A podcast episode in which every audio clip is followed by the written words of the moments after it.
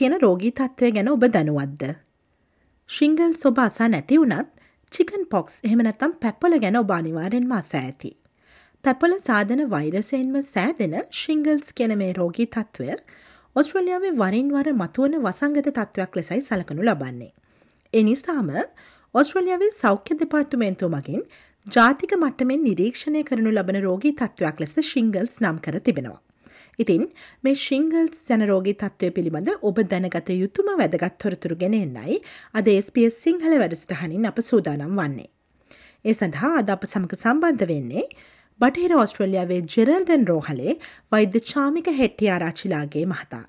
අයිබෝන් වෛද්‍යතුමනි ඔබට අයිකවනති ම මුලින්ම ඔබතුමාගෙන් දැනගන්න කැමති මේ ශිංගල්ස් යන රෝගී තත්ත්වය කියන්නේ කුමක්ද ඒ වගේම යම් කිසි කෙනෙක්ට මේ ශිංගල්ස් රෝගී තත්ත්වය ඇති වෙන්නේ කොයි ආකාරයකින්ද. ශිංගල්ස් කියල කියන්නේ ඇත්තටම වෛරස රෝගී තත්ත්වයක් හර්පිස් සොස්ට කියන වෛරස කාණ්ඩයෙන් තමයි මේ ශිංගල්ස් කියන රෝගී තත්ත්ව ඇති වෙන්නේ. ශිංගල්ස් ඇදෙන මේ හර්පිස් වෛරසය ප්‍රධාන වශයෙන් රෝගී තත්ත්ව දෙකක් ඇති කරනවා. එකක් තමයි චිකන් පොක්ස් නැතම් පැපොල කියලා අපිට කුඩා කාලේ නැතම් තරුණ කාලයේදී ඇතිවන රෝගී තත්ත්වය. මේ පැපොල ඇතිවෙද්දී මේ වෛරසය මුළු ඇගේම කුෂ්ට තත්ත්වයක් නැත්තං බිබිලි තත්ත්වයක් ඇත් එක්ක ඇගපත වේදනාව උන වගේ රෝගි තත්ත්වයක් ඇති කරනවා. මේ පැපොල හොදවීමත් සමගම මේ වෛරසය ගිහිල්ලා අපේ ඇගේ ස්නායු සයිලවල තැන්පත් වෙලා නිෂ්ක්‍රියාකාරයෙන් තියෙන්ට පුළුවන් ගොඩා කාලයක් යනක මේ අවුරුදු ගානක් අවුරුදු දහයක් පහලක් විසක් යනකං වනත් මේ විදිහට නිෂ්ක්‍රියංකාරයෙන් ඇති වෙලා තියෙන පුළුවන්. නමුත් සමහර අවස්ථාවලදී මේ ඇතුළේ තැන්පත් වෙලා තියෙන වෛරසය මේ ස්නායු අකට ඇවිල්ලා කාලෙකදී ඇතිවෙන රෝගී තත්ත්වයකට තමයි මේ අපි ශිංගල්ස් කියලා කියන්න. මේ රෝගී තත්ත්වයේදී අපේ ශරීරයේ සමහර ප්‍රදේශවල ඇතිවෙන ඔබිබිලි. ඒ වගේම අපිට උන තත්ත්වයක් ඉස්සරදේ තත්ත්වයක් හරියට වෛරස තත්ත්වයක් ඇතිවෙන්න පුළුවන් දින කිහිපයක් යනකම්. සාමාන්‍යයෙන් ශිංගල්ස් කියන තත්ත්වය හැදෙනු කෙනෙක්ට කෙනෙක්ගෙන් තව කෙනෙක්ට ශිංගල්ස් කියන රෝගී තත්ත්වය බෝවීමක් ඇති වෙන්නේ නෑ නමුත් ශිංගල්ස් කියන්නේ පිස් වෛරසම නිසා මේ ශිංගල්ස් කියන රෝගී තත්ත්වය තියෙන කෙනෙක්ගෙන් අව කෙනෙක්ට පැපොල් හැදු නැති කෙනෙක්ට පැපොල් හැදීම හැකියාවක් තියෙනවා. නමුත් ශිංගල්ස් වලින් කෙනෙක්ට ශිංගල්ස් හැදීම හැකියාවක් නම් නෑ ඕ වෛද්‍යතුමනි මීළඟට අපි කතා බහ කරමු. ශිංගල්ස් කියන රෝගී තත්ත්වය සැලීමට වැඩිම අවධානමක් තිබෙන අපේ ප්‍රජාවේ කුමන කාණ්ඩ වලටද.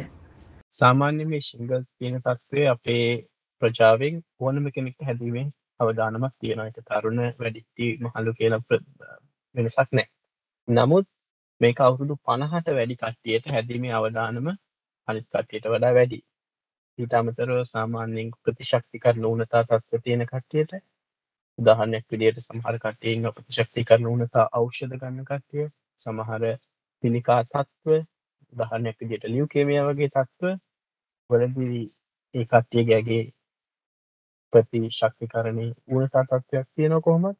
ඊට අමතරව සමහර ඖෂධ පාවිච්චි කරන කට්ටියට උදාහරණයක් විදියට විශාල නැත්නම් අධිමාත්‍රාවල ස්ටිරොයිඩ් කාණ්ඩ ඖෂධ ලොව් දීර්ඝ කාලයක් පාවිච්චි කරන කට්ටියට ඊට අමතරව රුමටුඩ් ආතරයිටිස් වගේ රෝග තත්වලට නිර්දේශ කරන විශේෂ ඖෂධ පාවිච්චි කරන කට්ටියට ඒජ් HIV වගේ ආසාධන ඇති වෙලා තියෙන කට්ටියට මේ රෝගී තත්ත්වය හැකීමේ අවධානම සාමාන්‍ය කෙනෙක්ට වඩා වැඩි.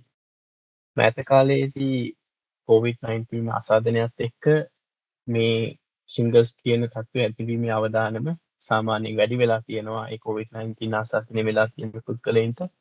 ඒ වගේම COVID-19 වලට ප්‍රතිශක්තිකරන එන්නත් භාවිතා පාවිච්චි නොකරපු කට්ටියටත් ශිංගස් තත්ත්වය ඇබ්බීමේ අවධානම අනිත් කට්ටියට වඩා සාමාන්‍ය ප්‍රජාවට වඩා වැඩි බව මැතකාලනය කරපු සමීක්ෂණ වලින් පෙන්නලා තියෙනවා. මං අවසාන වශයෙන් ඔබතුමාගෙන් දැනගන්න කැමති මේ ශිංගල්ස් කියන රෝගී තත්ත්වය වලක්වා ගැනීමේ හැකියාවක් තිබෙනවද? එහෙම වලකා ගැනීමේ හැකියාවක් තිබෙනවා නම් ඒ සඳහා ගත හැකි ක්‍රියාමාර්ගය කුමක්ද?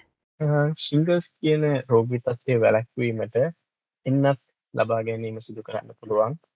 ඔස්ට්‍රේලියන් ජාතික පරිශක්ති කරන වැඩසටහනට අනුව වයිස් අවුරුදු හැත්තෑවෙන සෑම පුද්ගලයෙක්ම මේ ශිංගල්ස් වලක්වීමේ එන්නත ලබා ගන්න පුළුවන් ජාතික ප්‍රජෙක්ටි කරන වැඩසටහන අනුව. ඒක තනි එන්නතක් විදිහට තමයි පාවිච්චි කරන්නේ. සෝස්ටාවැක්ස් කියන තනි එන්නතක් විදිහට පාවිච්චි කරන්න පුළුවන්. වැක්සින් එක ඒ වගේම තව වැක්සින් එකක් අලුතෙන් හඳුන්වලා දීලා තියෙනවා. ශිංග වැක්ස් කියලා. ඒ වුණාට එය තවමත් ජාතික ප්‍රජෙක්ටීකරණ වැඩ සටහනට යොමු කරලා නැහැ. නමුත් ඔබට පෞද්ගලිකව එක ලබා ගන්න පුළුවන් වයස පණහට වඩා වැඩි කෙනෙක් වෙනවන සාමාන්‍යයෙන් අවුරුදු හැත්තෑවේදී සොස්ටබැක්ස් කියන එන්නත ලබාගන්න පුළුවන්. ජාතික ප්‍රතිකරන වැඩසටහන අනුව නොමිලේ. නමුත් මේ එන්නත ලබාගෙන තියෙන්නේ ප්‍රජාවගෙන් සීට තිහක් හතලිය අතර පිරිසක් විතරයි. ඉතින් මේ ප්‍රමාණය වැඩි කරන්න ඕන හින්දා රජය අවසර දීලා තියෙනවා අවුරුද්දක් ඉස්සරහට දෙදස් විසිතුනේ ඔක්තෝම්බර් මාස වෙනකං මේ එන්නත ලබා ගැනීම අවුරුදු හැත්තෑවත් හැත්තෑ නමයක් අතර පිරිසට නොමිලේ ලබා ගැනීමට හැකි වෙන විදි ඔවු අද SBS සිංහල ගුවන් ඉදිරි වැඩසටහනින් අපි සාකච්ඡා කරමින් සිටියේ ඔස්ට්‍රලියාවත් සෞඛ්‍ය දෙපාර්තමේන්තුව මගින් ජාතික මට්ටමින් නිරීක්ෂණය කරනු ලබන රෝගී තත්ත්වයක් වන ශිංගල් සැන රෝගී තත්ත්වය පිළිබඳව ඔබ දැනගත යුතු වැදගත් තොරතුරු මොනවාද කියන කාරණය සම්බන්ධවයි. ඒ සඳහා අප සමගද සම්බන්ධ වනේ බටහිර ඔස්ට්‍රලියාවේ ජෙරල්ඩන් රෝහලේ වෛද්‍ය චාමික හෙට්ටිය ආරච්චිලාගේ මහතා. ඉතින් ඔබතුමාට බෙහෙවින් සූතිවන්ත වෙනවා ස්පේස් සිංහල ගුවන් ඉදිරි වැඩස්ටහන සමඟ සම්බන්ධ වූවාට. බොහොම ස්තුතියි